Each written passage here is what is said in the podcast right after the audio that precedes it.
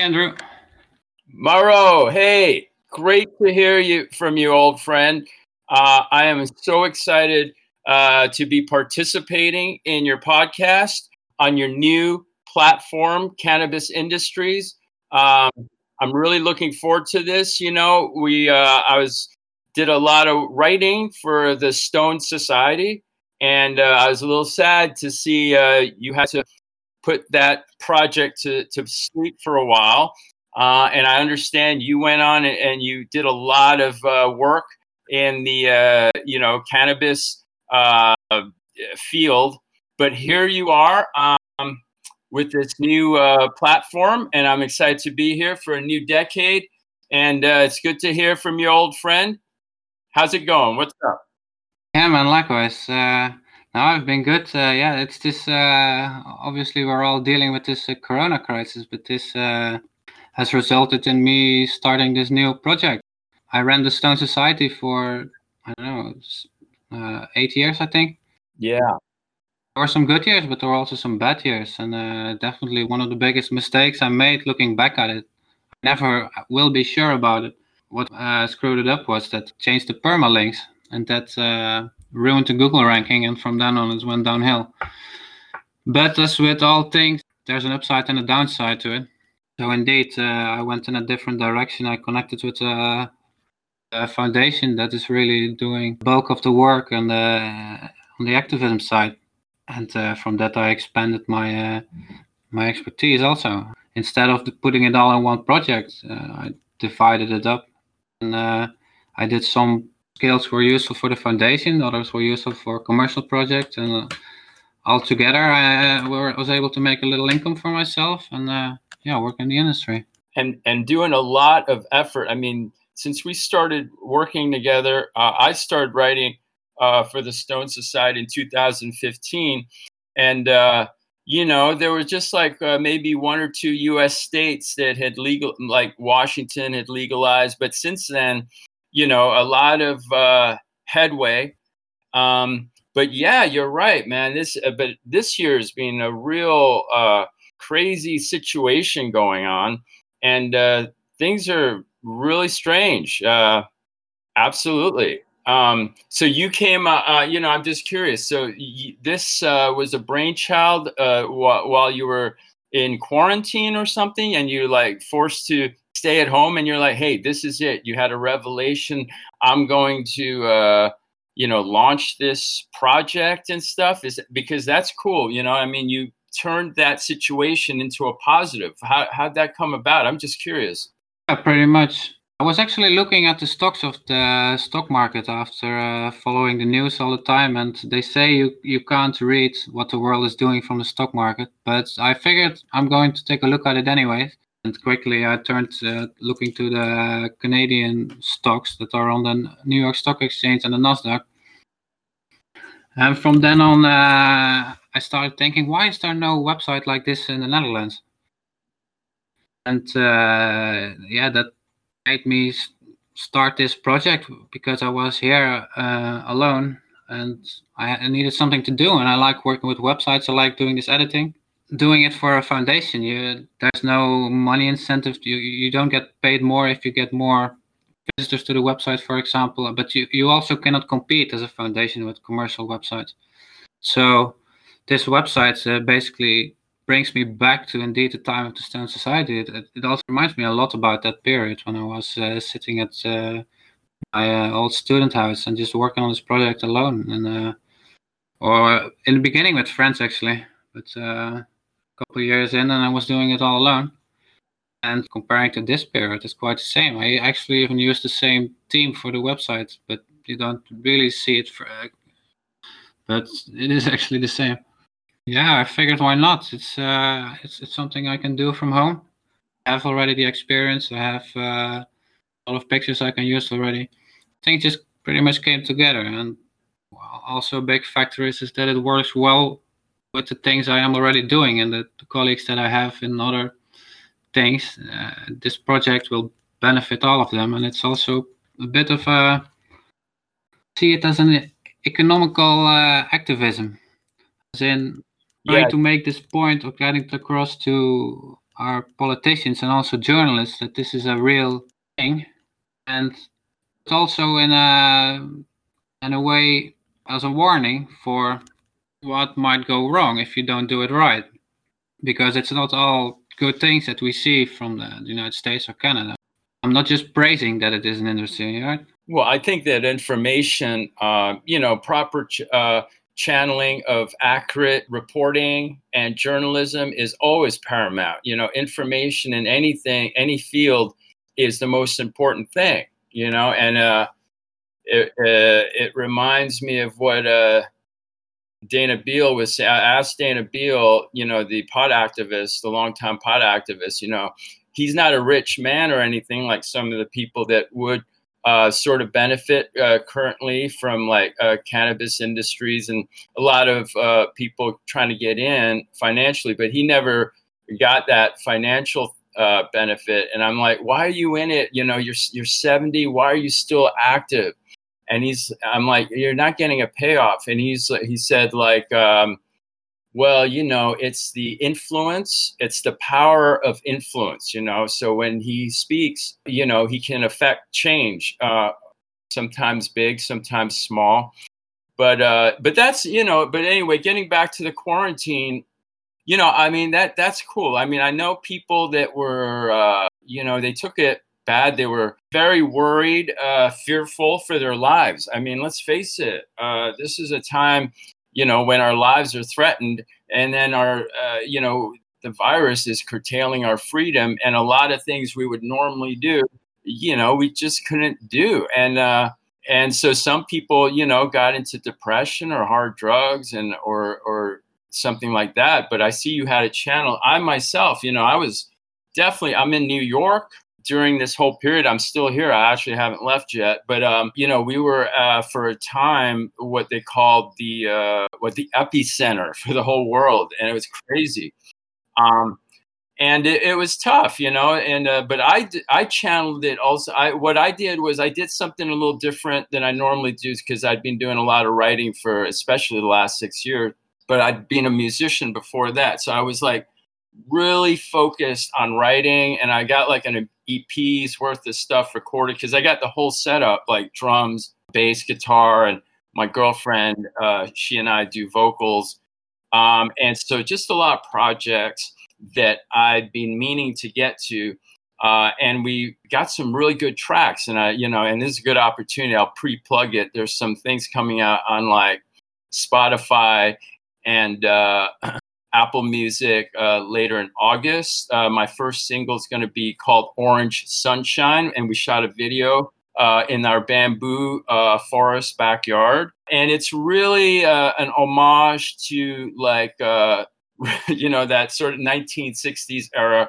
and specifically a tip of the hat to, you know, the famous LSD that was that strong, potent LSD from the 60s um, so it's got, you know, I like the psychedelic thing, you know, obviously Floyd, but some of the newer bands like Temples and stuff are doing really good stuff. Uh, so anyway, that's how I kind of channeled this really difficult period. And, you know, I can look back with it with like, hey, you know, I have something positive take away. And uh, it kind of like saved my sanity, you know? So, uh, so I'm functioning human being and here we are. But uh, yeah.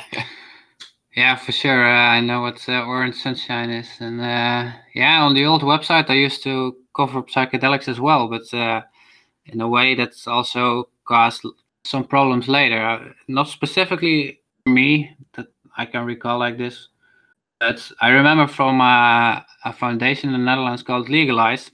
They want all yeah. drugs legalized. They had trouble, for example, getting money from the coffee shops to do their activism because they said oh, you want to do cannabis, but you also want all the other drugs. No, we're not going to support you. So yeah, make yeah, go on. To make a bit of a segue, you actually got to speak Rick Doblin, which is really cool. Yeah, you know, um, that was one of my exciting things I did while I was uh, with Stone Society, and uh, I went to the Horizons conference in downtown New York. And uh, you know, he's got he's like one of our uh, big, I guess, psychedelics gurus and uh, psychedelic guru in our age. You know, back in the 60s, uh, earlier age, you know, you had Timothy Leary, you had Ram Dass, you know, and, and also some, you know, shady characters, you know, like Owsley Stanley. Uh, there's a, a whole bunch. It's a, it's a weird world that, and, uh, you know, I, I, it's a fascinating world and I've been intrigued about it, reading about it, you know, in books and things uh, all my life since my teenage years. And, you know, and as I mentioned, just recently writing some music about it. Uh, and I'm not like personally advocating it. It's actually like a mixed bag because in this song, we've got like Ram Dass, we talk about Charlie Manson. You know, there's a dark side and a light side. But when I talk to Rick Doblin, you know, he understands like you know the balance of it. And and uh, one of the questions i asked him was listen you know uh, psychedelics are unpredictable you know and th- isn't that a problem with science or when you're trying to treat someone that has a specific thing? You know you could have a good trip you could have a bad trip you could go psychotic or you could you know be, become really uh, self-realized. And he uh, you know he had a great answer. He said that well actually the unpredictability of it is what makes it special and, and helpful because you're not sure of the outcome and it brings you out of the box. So if someone has a problem, eh, let's say, uh, and in this regards, you know, he was talking about, let's say, treating, you know, addiction or uh, that kind of thing or mental illnesses, they're stuck in a box. And then, so this takes, you know, psychedelics be it psilocybin or LSD or whatnot, uh, ayahuasca, it'll take you out of a box. And really, maybe that's the only way to do it because what does uh, our pharmaceutical industry offer? There are predictable results with a lot of their medication. You know, I mean, I don't keep up with it, but the old standards, Thorazine or whatever, it'll, uh, lithium, you know, all these things it gives you desired outcome. But basically, that desired outcome is you become more vegetable like or you become sedated. Really, you're just treating a uh, symptom and you're not getting into the issue that you know started it i would presume though i'm not a psychiatrist that it must have like a problem must have stemmed from some kind of a trauma or something like that and how would you deal with that well maybe you know you would have to confront that. And then most people aren't in a position normally to do that. But a psychedelic like lsd or something according to doblin and those in that field suggests that hey this will take you out of the box and make you you know confront these issues that you normally wouldn't. And the the thing is um, but it, it could be dangerous. So you know you it would be helpful to have properly trained psychiatrists. So he emphasized that you know and i said so you're saying should we not like well should they not use psychedelics let's say recreationally? And he said well he said that there's more risk under that environment.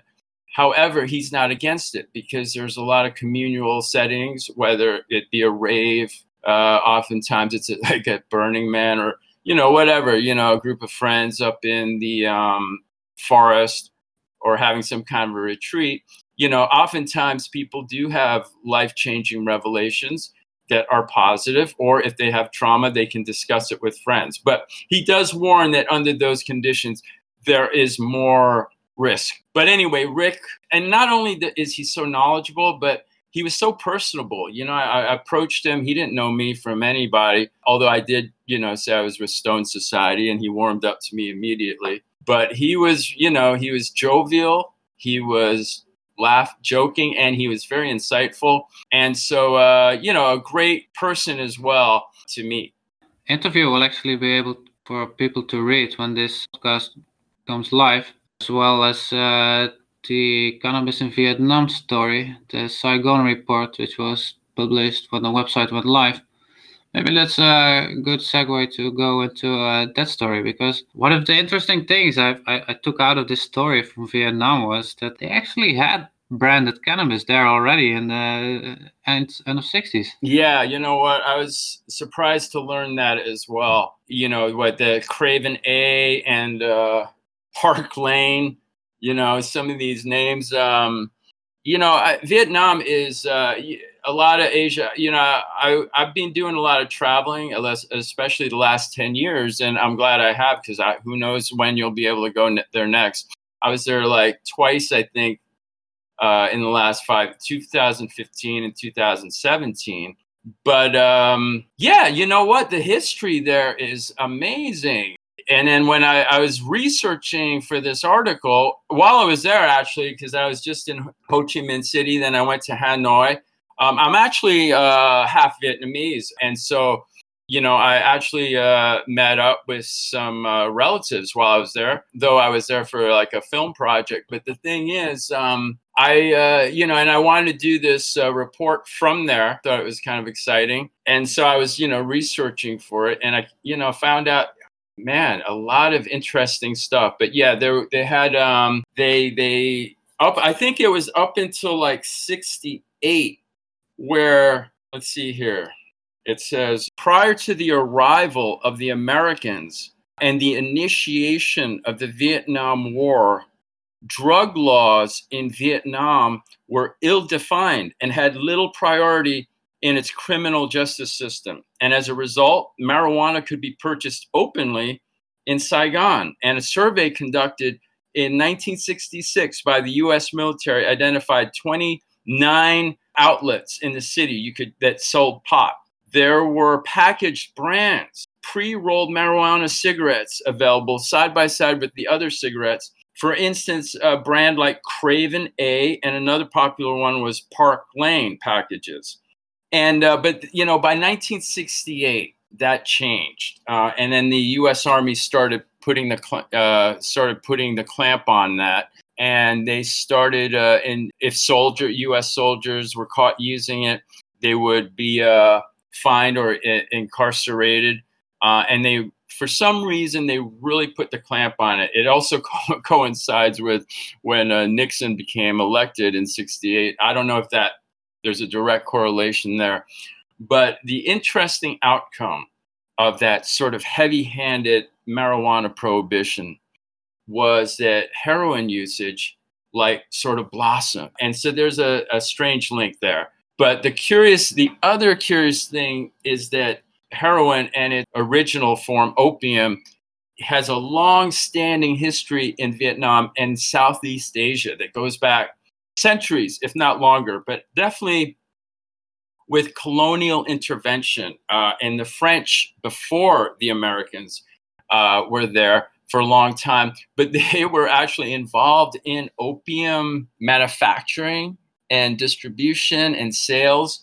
Well, this is an old story. It goes way back for the French, the British, you know, with the East India Company, obviously, now that we think about it. And then as well as the Dutch, your very own country, you know, the they were also involved. So it's there's this strange sort of link between European colonialization and sort of narcotics growth and sales. But the funny thing is that they weren't really big on cannabis in general, uh, and they would and when they suppressed that, this harder, definitely deadlier drug, uh, opium and things of that nature, uh, would take hold.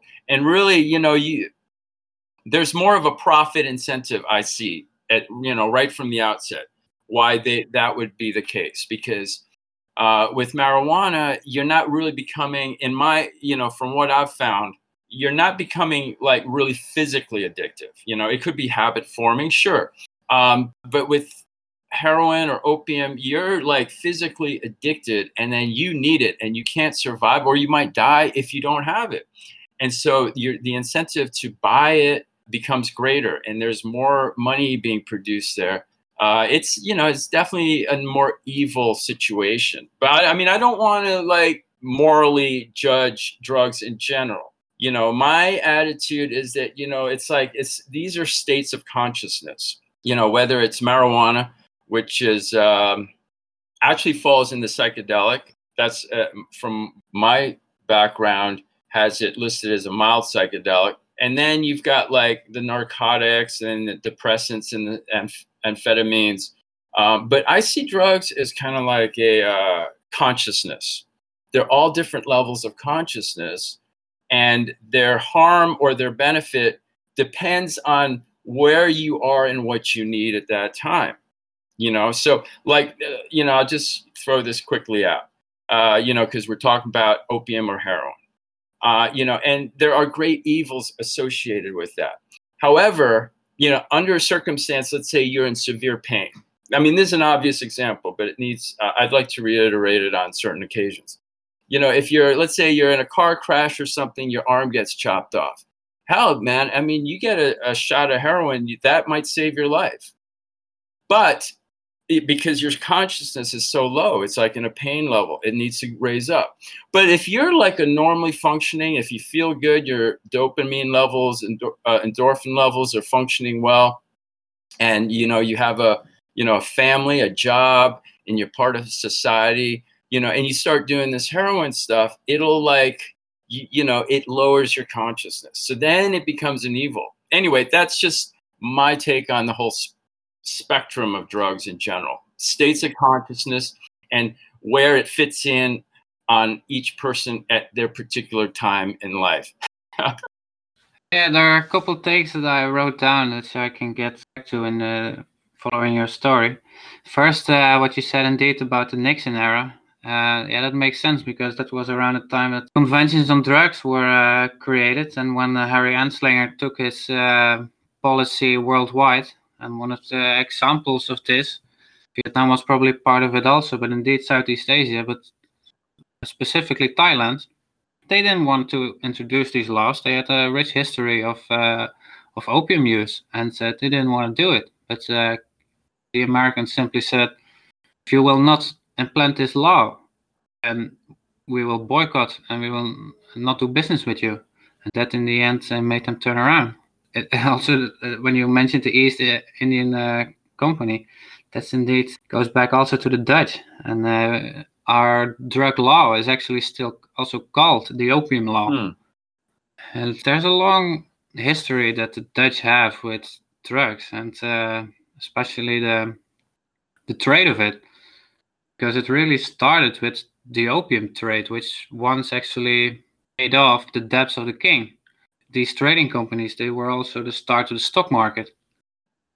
And going from opium the dutch eventually went into coca as well. They were uh, bringing little cuttings from south america bring to their colony in indonesia in java. They would plant these uh, coca cuttings and uh, harvest the coca leaves and then bring those back to the netherlands where they would have the cocaine factory there it would produce cocaine for be used in mostly wars. So going even into the First and the Second World War, Allied were basically fighting on cocaine until uh, Hitler said to his uh, scientists, "We need something that the Allies are having too." And so what the German scientists did, they came up with speed, with amphetamines. So it really was in the end a war there between cocaine and amphetamines, and cocaine won. Yeah, Nixon, the Nazis. Uh, you know what? They were. Um, that's it's always a fascinating study. Germany in the 30s and 40s and 20s. But yeah, he, you're right. He came up with amphetamine and then more s- strong stuff because uh, Hitler was like, we need a super drug. We want to create the super soldier. And so, uh, and I, I, did a story on this for another, an, a piece on this. Uh, and they came up with like a thing called, I think it's DIX, which was a combination of methamphetamine, cocaine, and Eukodal, which is an interesting Eukodal. It was a substitute for opium or heroin because they were running out because of the opi- uh, the the war effort.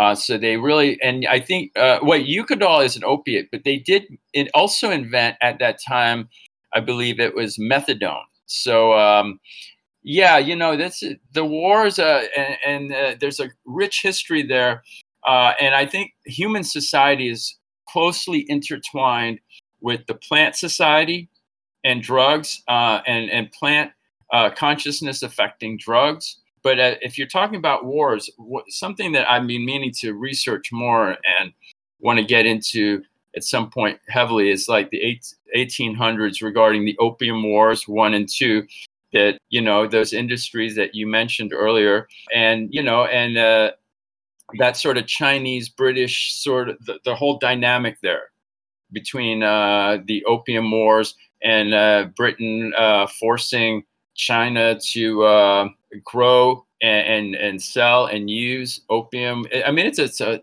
fascinating and very dark history uh, but I think, you know, as it relates to cannabis, uh, it's usually these heavy handed drugs that, you know, lead to this sort of violence and uh, a monetary base. And, um, you know, and I think that cannabis, it, it, it provides a different disposition. And really, it, it's a really, I like it for like the, one aspect is its benefits for let's say the economy and like uh, hemp products and the hemp industry. Like the us was you know there was no you know it was a big part of our industry you know making paper string everything clothing and it was never an issue. But you mentioned harry anslinger. And so you know when this guy came along and then they created the federal bureau of narcotics back in 1930 suddenly the whole game change. You know, there was never a problem. There was never an epidemic regarding cannabis. And suddenly it was demonized.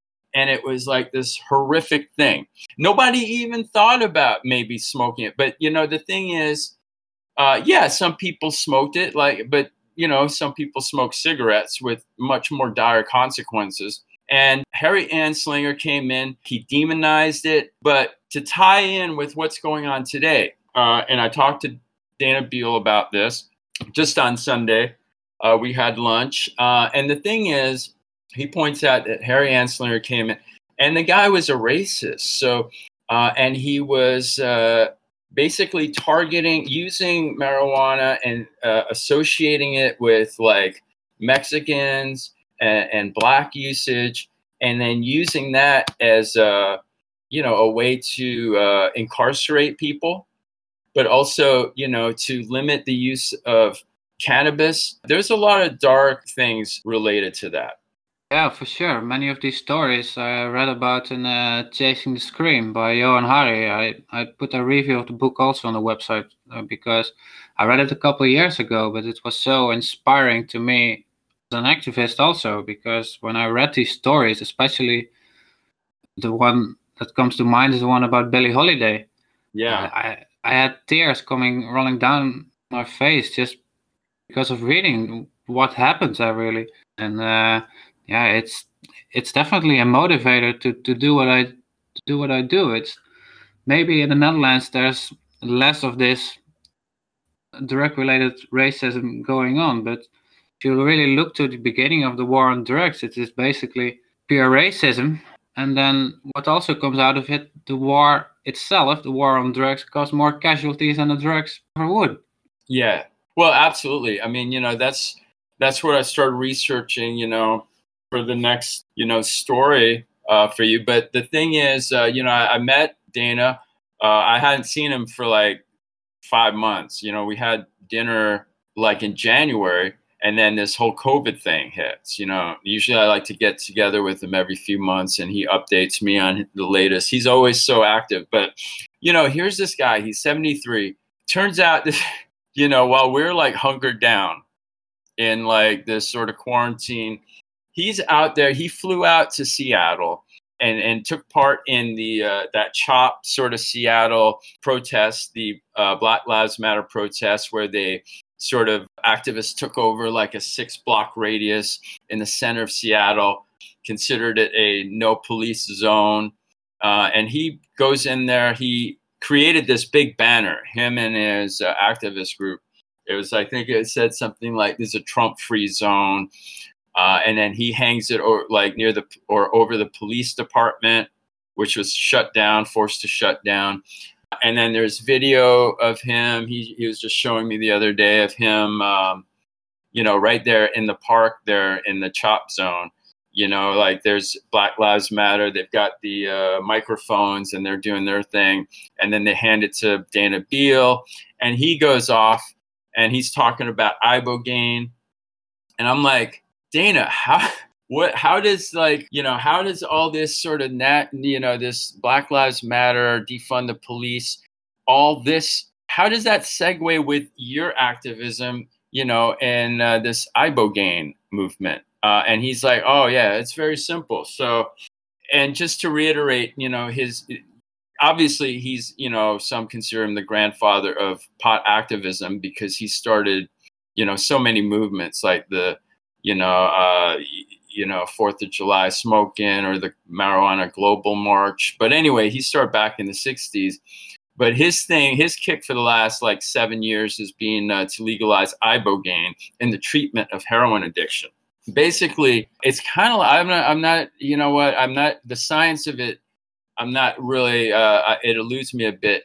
It's not exactly a psychedelic. It's like a euphoric or something, but it puts you into some kind of a uh, sort of sleep waking, waking sleep state. But the point is, he said that look, if you legalize ibogaine and if you give it to heroin addicts, uh, it'll cure their heroin. And the thing is, you're not going to need cops because, first of all, you you mentioned the war on the war on drugs engenders crime. So many people, so many, so much of our prison population is made up of drug offenses, whether it be minor or more severe, uh, the variety of drugs. I mean, the industri- the prison industrial complex is, you know, funded by this war, uh, drug war. So he's saying, look, you know, a lot of these addicts or crime associated with hard drugs, namely heroin and then also methamphetamine, he says it has a positive effect on that addiction you know, once you give this to people who are going to withdraw, they are not, you know, they don't feel that addiction anymore. And then in effect, they can be cured in 24 hours. That's what his re- the research shows. And as a result, you can you can actually, you know, realistically defund the police in that regards because how how much of the police force is uh, you know chasing down criminals, incarcerating criminals, et cetera, et cetera so that he was saying that was how it worked and that vectored in uh, nicely with what black lives matter was doing and then they shared the podium together. So you know it, it wasn't you know i was surprised to see him up there in the you know on youtube but then again i wasn't you know because it's dana beal so there you go. Yeah he's a, he's a curious character that uh, i actually was lucky enough to meet once in uh, barcelona for a meeting of uh, which is a European organization that is trying to push for uh, better drug laws. And there, I could already see that it, it, was really difficult for him, also as just an American coming into these this group of uh, Europeans, and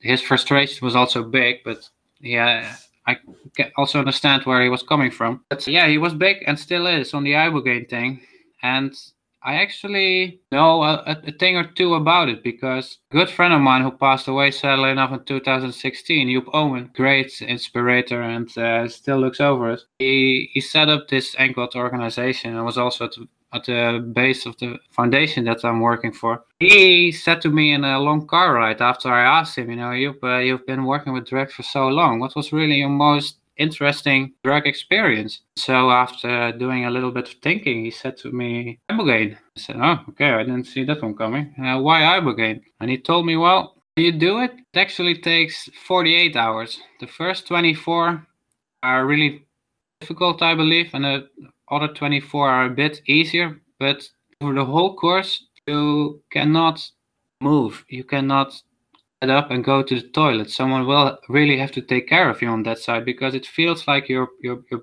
your veins are filled with poison. You you can't move. And he said that when you take this, it's it's really like holding up a mirror to yourself and seeing yourself and uh, seeing things that you can improve. It is a, indeed a bit far going, bringing this message or trying to bring this message of ibogaine uh, to Black Lives Matter protests, but for sure, cannabis and, and the whole drug war is a huge cause of that, or it, it, it's for sure a part of it.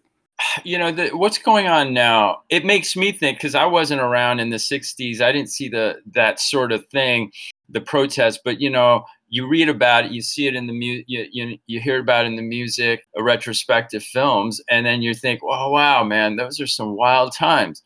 and then you're here in the you know 2020 and i'm just you know walking down the street and there's there's a protest coming up the street in brooklyn or manhattan and it, it it's pretty wild here you know i mean you might have heard some of the story you know people so there, it gets into looting and violence and i'm thinking hey this is like the 60s I, I asked dana the other day i said hey Dana, you were there. You were active in the 60s. Um, what's the comparison between now and the 60s? Is there a similarity? Because I'm I'm thinking there is, and he said no. I'm like it was just kind of a deadpan no. But then we explored it a little bit. You know, he mentioned well, first of all, there isn't an actual war going on like the Vietnam War. So okay, granted, I I, th- I was comparing it to 68, and he's like, well, no, because if Nixon is Trump, then that would be this that 68 would be more like 2016. Okay, all right. So we, it was kind of nitty, you know, sort of nitpicking. But one parallel I got that I thought was similar was that you know Nixon started the whole methadone drug treatment program, and so the fact is heroin was a big problem back then, and so they started the methadone treatment program under Nixon and I'm like, you know, th- this problem is bigger than ever today, this sort of uh, narcotics addiction. And I'm thinking, hey, this is a new age. You know, I don't know. What about ibogaine? Maybe that has some relevance today, like methadone back then, but you know, an actual cure, not just a substitute. And we know, you know, that that drug it has a lot of problems, but the struggle continues.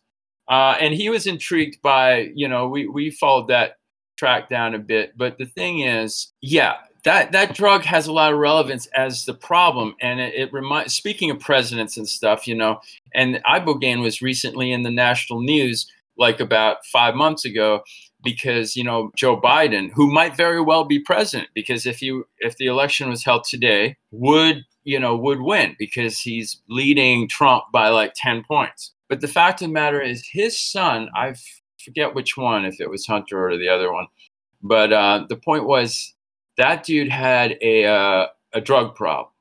You know, he was addicted, and he's and he was convinced that ibogaine could help him. And I think he traveled to um, overseas. I don't know. I need to look into that a little bit more. Uh, and he pursued that. But the thing is, point is, if these things have this potential to cure people of something so terrible and hideous as addiction to heroin and stuff. You know, they should be at least available for research and it's completely outlawed and you know it's like schedule 1 and everything in the US and then so that's where Dana's at, you know, he's he is really sort of um you know, he's like a pit bull. You know, he doesn't care about money or that He just like that's what he, you know, that's what he did with cannabis activism for like 40 years. And look, we're beginning to see change on a global level regarding hemp, you know, and uh, he's sort of a, a big reason for that. And uh, here he is. He's got his sights set on ibogaine, and maybe you know this new decade will, you know, we'll see some changes, positive changes. Yeah, I hope so. Actually, with heroin, the interesting thing, uh, or connected to, uh, to Dutch laws over here, it was thanks to the use of heroin that was spiking in the Netherlands in the around the start of the 70s that they changed the law so that cannabis became tolerated and was seen as a soft drug and heroin and other drugs were seen as hard drugs because they could see you know they had really good pure heroin here in the Netherlands and people would take these cheap flights that were coming up back then to the Netherlands and they would come here and find these really pure heroin, even though they were already using it at home, but a worse quality. So they came here and they used this very powerful stuff, and they were actually dying out in the streets on the Zeedijk, for example. So that made politicians realize, well, and, and a lot of special people who helped overturn these laws, of course, they were luckily convinced at some point. You know, this is this is different. Just let them smoke their weed. It's it's a lot it's a lot less harmful than the heroin is. Yeah, you know, people drink their beers and things. You know, but yeah. I was thinking also to uh, because one of the stories that will also be published uh, in a little bit, also this month, is your story on uh, the synthetic cannabis in Turkey, which I also start with a sentence to introduce this, the article is that synthetic cannabis would not exist if cannabis would be legal. Yeah, yeah, that was you know, that was a wild article. That was a wild trip. You know, it was at 2014. There was that whole ISIS thing, and it was, uh, you know, it, it fascinated me, but it caught my attention from the a different aspect was the use of like type of methamphetamine called Captagon that was being alleged that uh, the ISIS was using. Uh, and this uh, was initially found like by whether it was British soldiers or something, and then it came out in like the Telegraph or some article. Actually, no, no, no. It came out before that.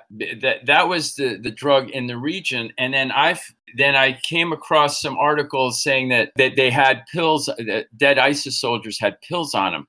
Um, so what happened was that I looked into it further and, you know, said, hey, look, it looks like the evidence is that they're using Captagon, a big amphetamine drug down there, and I'd like to find out more. So, you know, and then I talked to, you know, Vice magazine, which is right, uh, right here in Brooklyn, and I actually just walked down and I went in and I talked to one of the editors and I presented them with this story concept because I'd been writing it on my sort of medium blog at the time. I was like, listen, I'm willing to go over there because what's going on is that this town called Kobani is under siege, but it's, you know, it's right across the border from Turkey.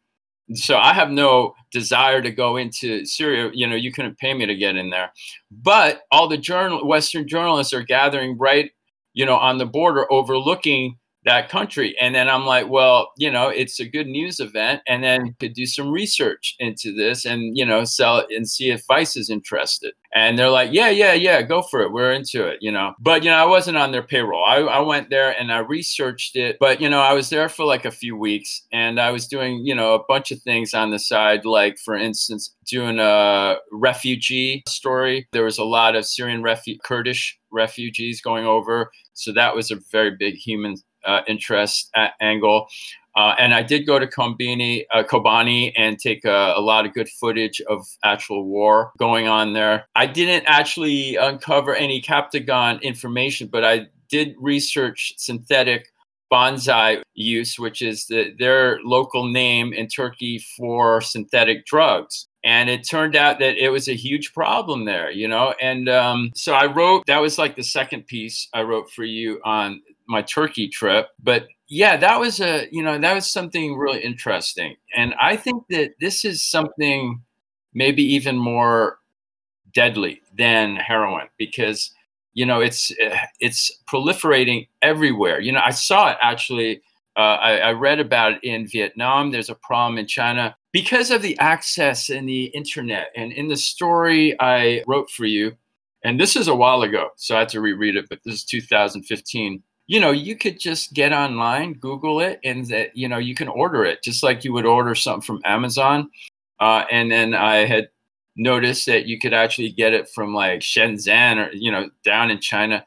The point is that uh, I think that's part of the problem, and um, people use it for various reasons, whether it's to fight or work or become more productive. But it, it's just as deadly, if not worse, than anything else. And then the problem comes when here they're using it to substitute marijuana use, cannabis use, you know, or worse, to disguise it as cannabis and sell it. Or, you know, the case being that, you know, hey, you know, the authorities will make something illicit or illegal but you know they have to be scientific about it. so they they say oh this molecule is illegal right this molecule is illegal these guys that manufacture this are scientists so they just change a molecule or two, and then suddenly they're selling again, and it's legal. And then uh, so they come under all different sources, brand names like Turkey, it's bonsai, but there's spice and things. Now we had a big problem right here in Brooklyn just recently, actually, like back last winter there were five you know i'm in bushwick which is a cool it's right next to williamsburg. It's uh, an interesting diverse some artistic sort of elements and then hardworking you know families. But you know down at sort of the main sort of train interchange area which is just really a half a mile away there was like a one day like six people dropped dead from like synthetic marijuana they, they bought from like the bodegas there, you know, the delis. And they the cops came in actually shut down one of the bodegas there. There's like four of them on in that sort of one corner section. you know, people, uh, uh, if you just walk, uh, like I said, it's a nice sort of neighborhood, but if you walk through that area, there's people acting erratic, acting weird, and you just keep your guard up. But that doesn't come from, you know, smoking marijuana. It's this weird, uh, you know, this synthetic stuff that will make people crazy. And I think one of the outcroppings of this is that marijuana is illegal. So they, you know, instead of purchase, at least in New York. Now things are changing, of course, but uh, but anyway, just getting back to here and what we've been dealing with for the past really a hundred years now. You know, people dropping dead from this, and you know, all they want to do is smoke a little reefer. yeah, for sure. It is connected. Think also, but it might be a while before New York finally legalizes it. Uh, of course, we still have to deal with this crisis, but as far as I know, uh, New York keeps extending it, and there doesn't seem to be any real push for it. Yeah, I don't know what's going on with this crisis. I, uh, you know, I asked, uh, there, you know, you hear stories all the time. There was one that came up recently that cannabis can, you know, guard against or cure uh, coronavirus. I said, I presented that to Dana Beal. He's like, no, no, no, no. What it does, it could increase some of your immunity but you know it's not going to eradicate it or make you completely immune. So in in that regards he estimated maybe like maybe a 10% if not like increase. There's a lot there's all kinds of information out there but you know obviously if you have a stronger healthier immune system you're going to become more uh, resistant. But uh, yeah well this is a real game changer and you know who knows how it's what's going to happen. Um, you know, I just want to mention, you know, regarding what we've done in the past, and then, uh, you know, I got just want to mention that, you know, because I, I, got that sad news from you about Julian Stobbs uh, and how he passed away like uh, earlier this month, and it was a real shock because it was through you that I met Julian and his wife Myrtle, obviously the famous Dagga couple the you know cannabis activists in South Africa. And I think it was back in 2017. And uh, I guess uh, I was doing some trying to do a film or something for Cannabis News Network that you sort of linked me to. And Julian had done some work for him, for him and he had some equipment, uh, namely like microphones or things. Uh, and he was going to lend give some things to me because we were in town for uh, they were in town for some UN uh, demonstration. So I met the couple. I went down to we met my girlfriend and I, Sonia, met Julian and Myrtle uh, down at the Hyatt Hotel on 42nd Street in a bar. Uh, and we had a great time. I mean, we really hit it off. They gave us one of their Dagga t shirts, uh, one each and a, a lot of like written material, reading material. Uh, and they invited us out to the South African property they have. And, uh, you know, I'm serious. I, you know, Sonia and I were, uh, you know, going to take them up on that offer. It was just a matter of time. And so it just is such a shock that he died in such a way that is so, you know, violent and a man who is so peaceful uh, and you know just spread the message of peace. And he was just so helpful. So that's tragic man. And uh, you know but i you know but it was through you that i got to meet this great great man. Sad sad news. Yeah for sure. I, I actually forgot indeed. I, I think it was 2016 for uh, when the UNGAS was happening in new york from which in the end nothing came out of it uh, as uh, the pessimists mm-hmm. already were thinking and the UN still seems to be blocking a lot of it. Even uh, recently, the World Health Organization recommended changes to the scheduling of cannabis. They they keep postponing even to talk about it within the UN. And now, apparently, they have had mm-hmm. a meeting about it. But question is if really something comes out of it, or if it's just for CBD or just for hemp yeah i don't know you know sometimes these yeah obviously these things move very slowly but uh, yeah the Dagga couple they were always at the forefront of pushing that through and maybe someday their work will come to fruition but yeah man i mean uh, yeah that's the problem right on a worldwide level uh, scale there's you know there's a lot of work to do You know, as as Dana Beal said in one of my previous interviews, I was like, you know, you must be like really optimistic with all the progress we've had. He's like, yeah, you know, but there's a lot, you know, there's still a lot to do. And then he uh, ended the interview by saying, but you know what? I've been to the other side of the mountain. And let me tell you, there's pot on the other side of the mountain. I was like, okay, there you go. Yeah, it's also worrying, especially seeing now with the legalization happening and uh, ha- having happened in uh, Canada and with the states in the US. It seems very much still that the rich are getting richer, and indeed, activists or, or people who would like to work in the industry, they seem to fall out of the boat, like we say.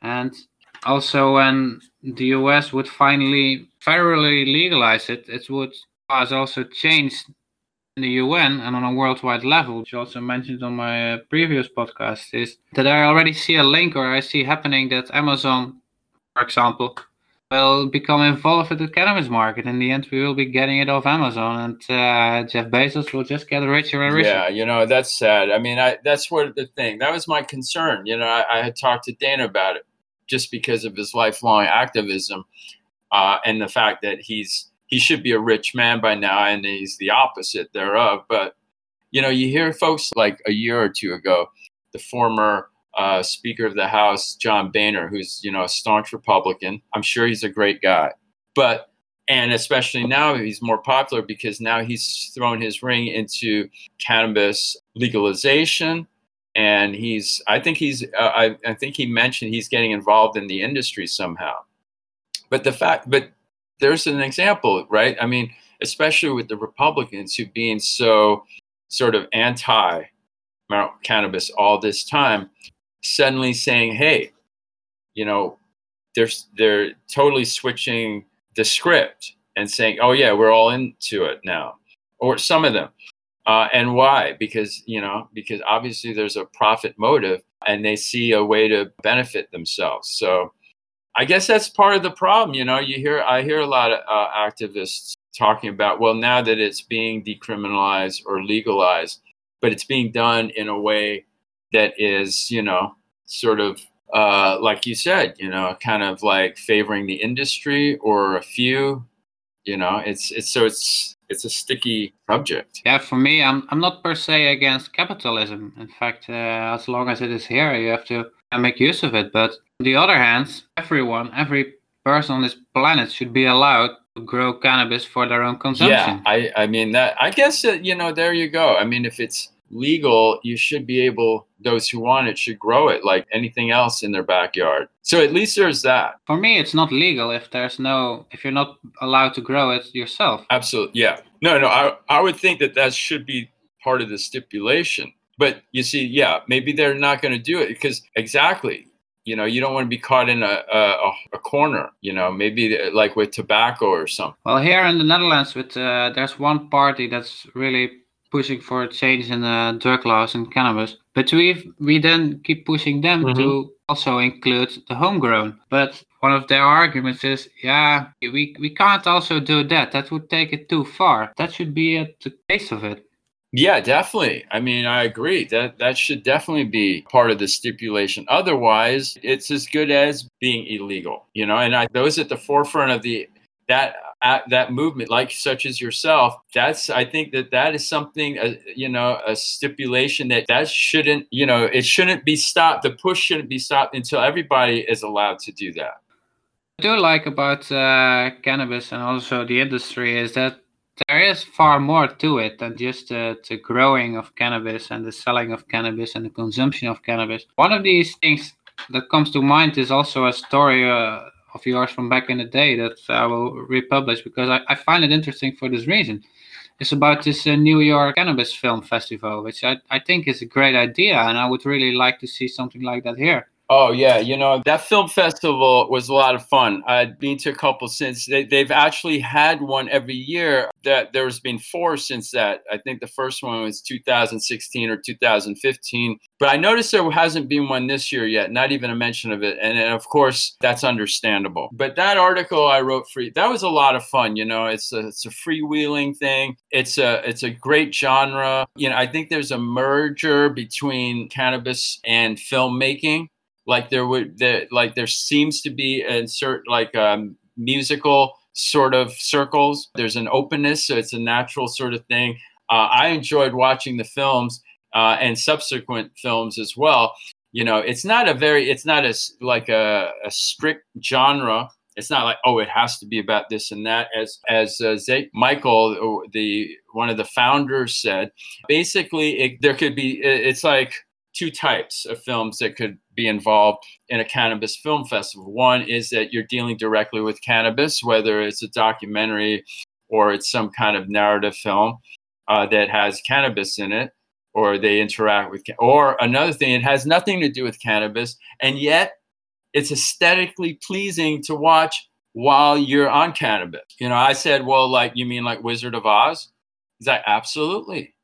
So, you know, a cannabis, uh, some, a film that could be, you know, submitted, something that could be very uh, that could be viable for a cannabis film festival it could be a film made 100 years ago or any time in between aesthetically pleasing but you know one takeaway i got from that particular article uh, was that you know there was a documentary and and it, it, featured it was it followed the life of Dr. Raphael Mechoulam who lives in Israel, but he had discovered that the brain creates its own THC like substance. I didn't know that before and I was like intrigued. So you know, I learned a lot from that. You know, he named it this discovery, this chemical in the brain, anandamide, uh, which means bliss in Sanskrit, and it got me to thinking drugs in general and what I was talking about earlier about states of consciousness.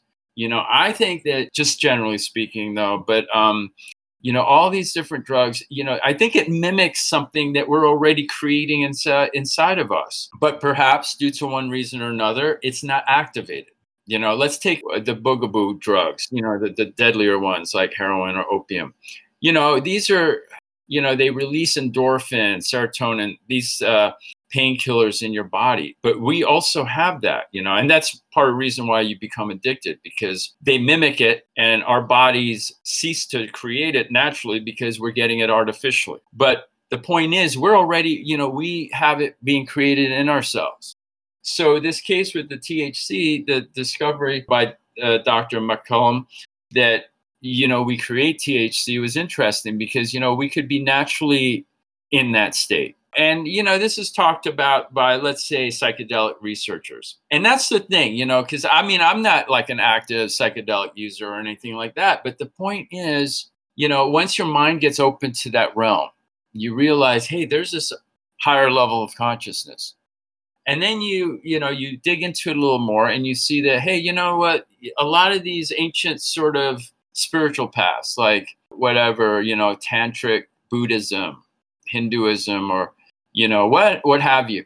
You know they focus you know they have these disciplines meditation and things and they focus on the chakra points etc you know i don't want to get all new agey but you know like they say like the pineal gland you know uh, it, it mimics you know whatever ayahuasca or some psychedelic substance. You know you focus on it you release it you know and so anyway there you go thc uh, something in the body does that. It's interesting. There's a merger between plant and animal or humans. And uh, there's some symbiotic relationship there that can be explored to greater detail. But I had a lot of fun at the Cannabis Film Festival. And Mike Zaitkus, he does a you know a lot of good work. I go to the, the High New York meetup groups uh, once in a while, uh, and it's part of an active New York City pro cannabis culture. And, you know, we've always been active uh, at the forefront of that. And, you know, I'm glad to be here and uh, participate, uh, you know, at least show up to some of these things. Yeah, it should be right. It's New Amsterdam. You're right. You see, there's a, a spiritual link between Amsterdam and New Amsterdam because there's so much Dutch like lineage here in New, you know New York. In fact, we were just recently looking at apartments up in Harlem, which is you know a Dutch name, and I, I believe, and then formerly owned by the Dutch. Yeah, there's a great heritage. So I, you know, and in Amsterdam now, I haven't been there for like literally over a decade, but one of my favorite cities, absolutely. Yeah, and it's one where it's relatively quiet, you could say uh, right now. yeah, yeah, there's, yeah. Okay, well, it's quieter here as well, but that's okay.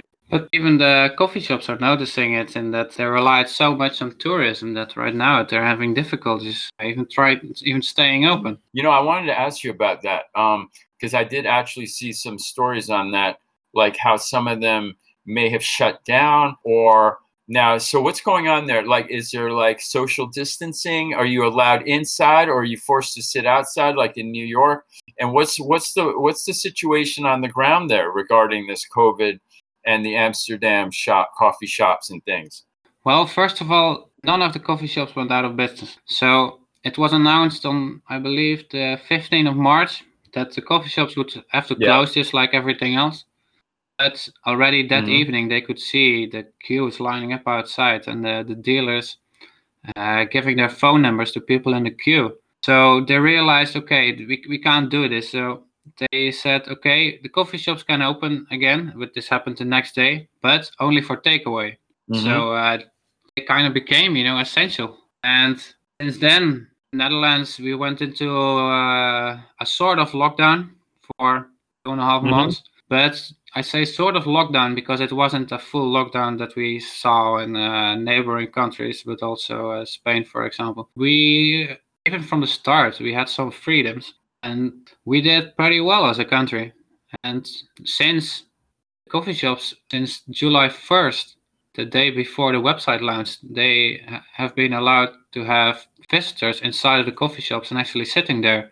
They do have to abide by this uh, one and a half meter rule unless you're with your girlfriend, for example, then it's fine. But with other people, they prefer if you are at one and a half meters.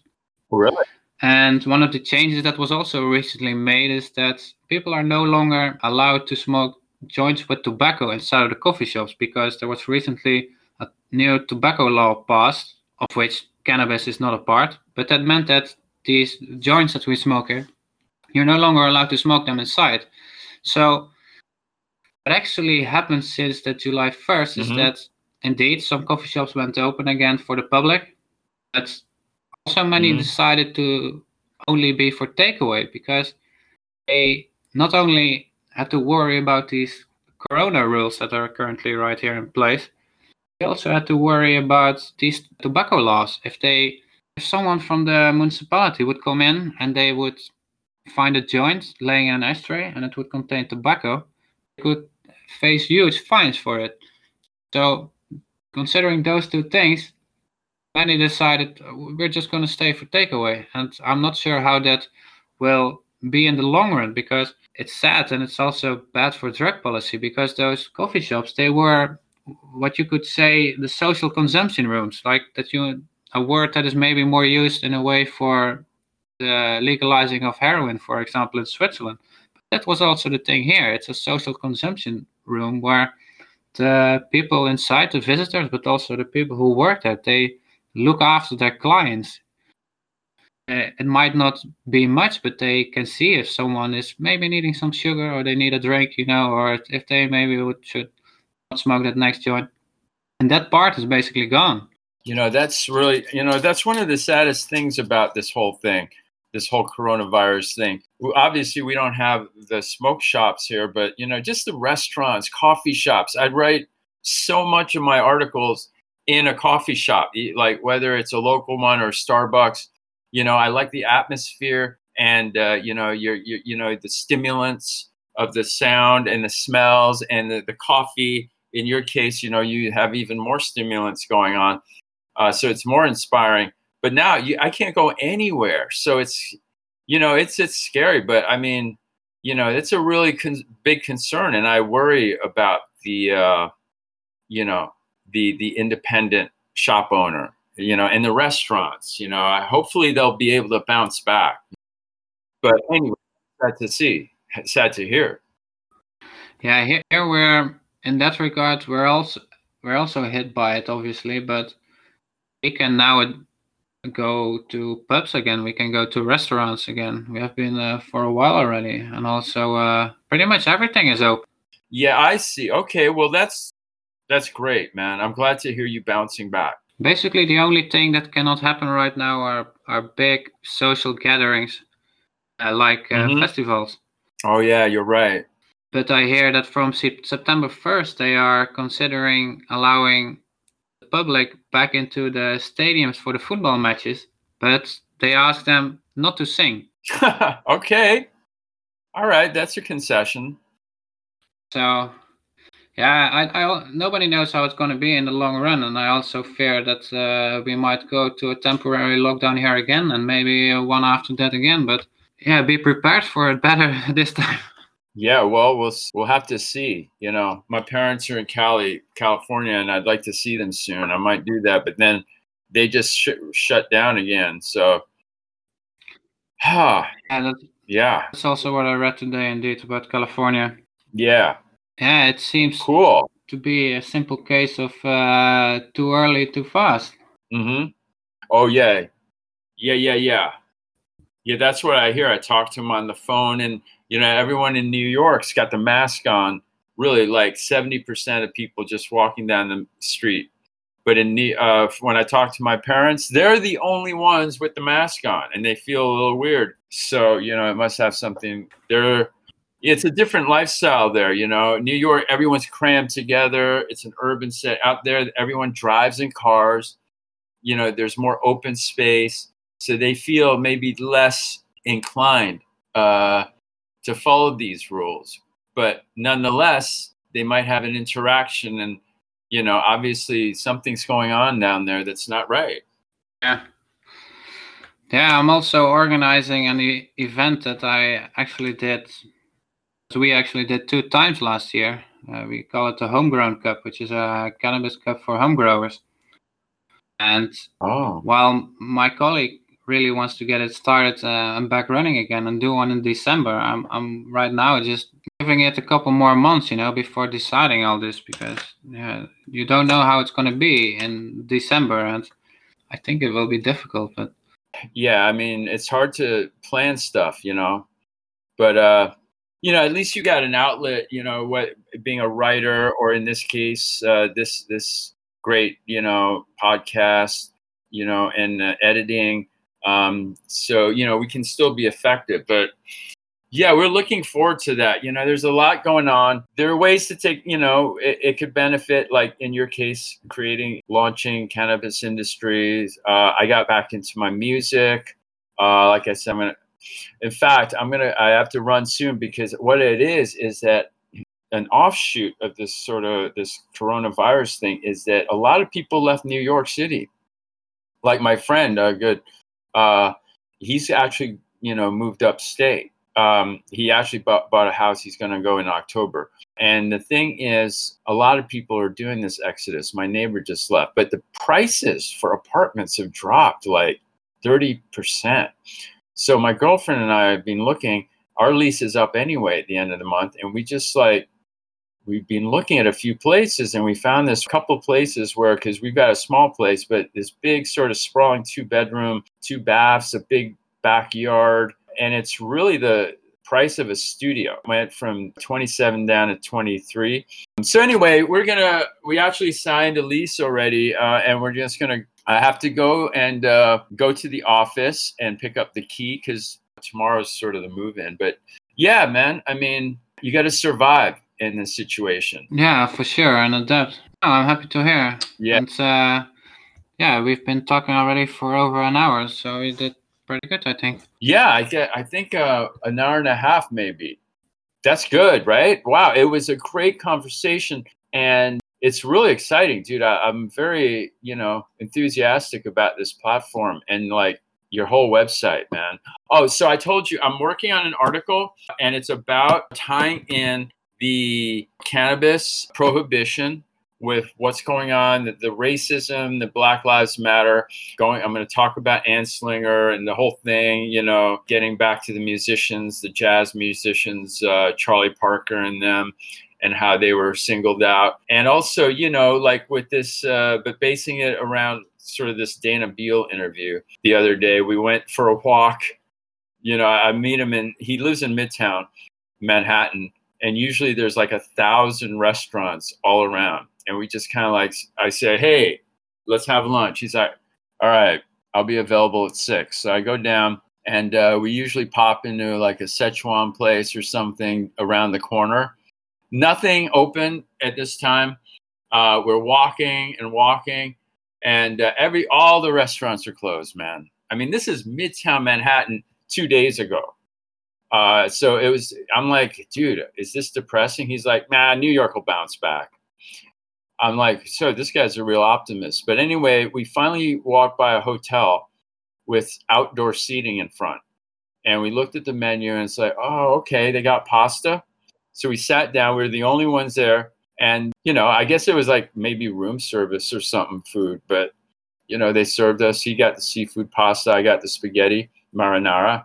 And, uh, you know, it was kind of cool sitting out there. Not many people, you know, the skyscrapers around. But here I am talking to Dana Beal, and, you know, he's got a lot to say. So that was a lot of fun, man. Um, so I'm gonna send. I'll, I'll have that article. Like you know, I'm shooting for this weekend. I'm I'm moving and stuff, but I'm excited to reconnect with you, dude. Yeah, me too. And uh, we for sure we'll stay in touch and uh, maybe do one of these again. Yeah, you know what? Like if you know, like something interesting comes, you know, and uh, you know, do some uh, you know, some topic comes up. You know, this is a great way to connect and get out there, man. I'm excited, and, and I don't usually do this kind of thing, I, you know, once in a while, but uh, it's it's nice and easy going with you. You know what I'm saying?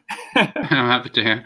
Cool. Um, yeah, we could uh, continue talking, but we have to make an end to it at some point. So uh, I would say uh, thank you very much for being my second uh, podcast guest. Uh, yeah, I wish you all the best. All right. Well, it's a real honor. I'm so glad you you asked me to do this, Mauro. And uh, until next time, man, take it easy. For sure. Bye bye.